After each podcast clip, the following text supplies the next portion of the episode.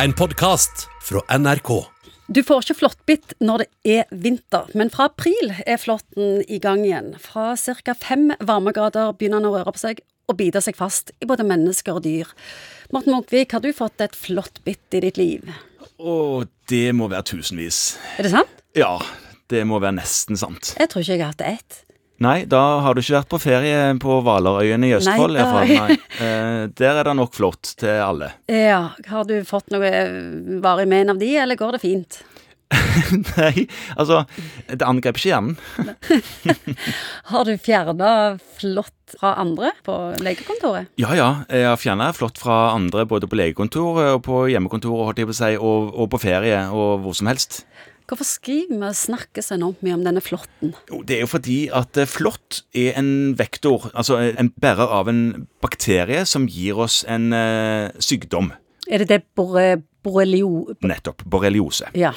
Ikke alle flått i det hele tatt bærer rundt på denne bakterien, men noen gjør det. Og noen av disse her gir sykdom hos mennesker. Og hvordan finner jeg ut om jeg har blitt bitt av en flått med eller uten boreol... boreol... Borreliose. Takk. Jepp. Du, det første som kommer, og det er, nå skal jeg introdusere et fint navn, det er patognomonisk. Jaha. Mm, som om borreliose ikke var nok. Så får du denne òg, og jeg kan ta deg. Eh, Patognomonisk. Som er? Det er at når du ser dette utslettet, så er det eh, borrelia. Ja, Ja. og det ser ut som Der som flåtten har bitt, rundt den flåtten så kommer det en ring som brer seg utover. Den blir bare større og større. Og da skal du springe til legen med en gang du ser en sirkel rundt. En sirkel rundt, ja. Ja. Da går du til legen og sier at der fjerner jeg en flått.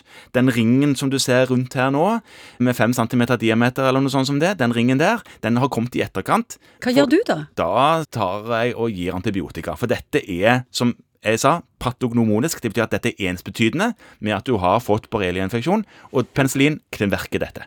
Ja, hva kan du få av hva, hva kan det gjøre med kroppen din, en sånn infeksjon?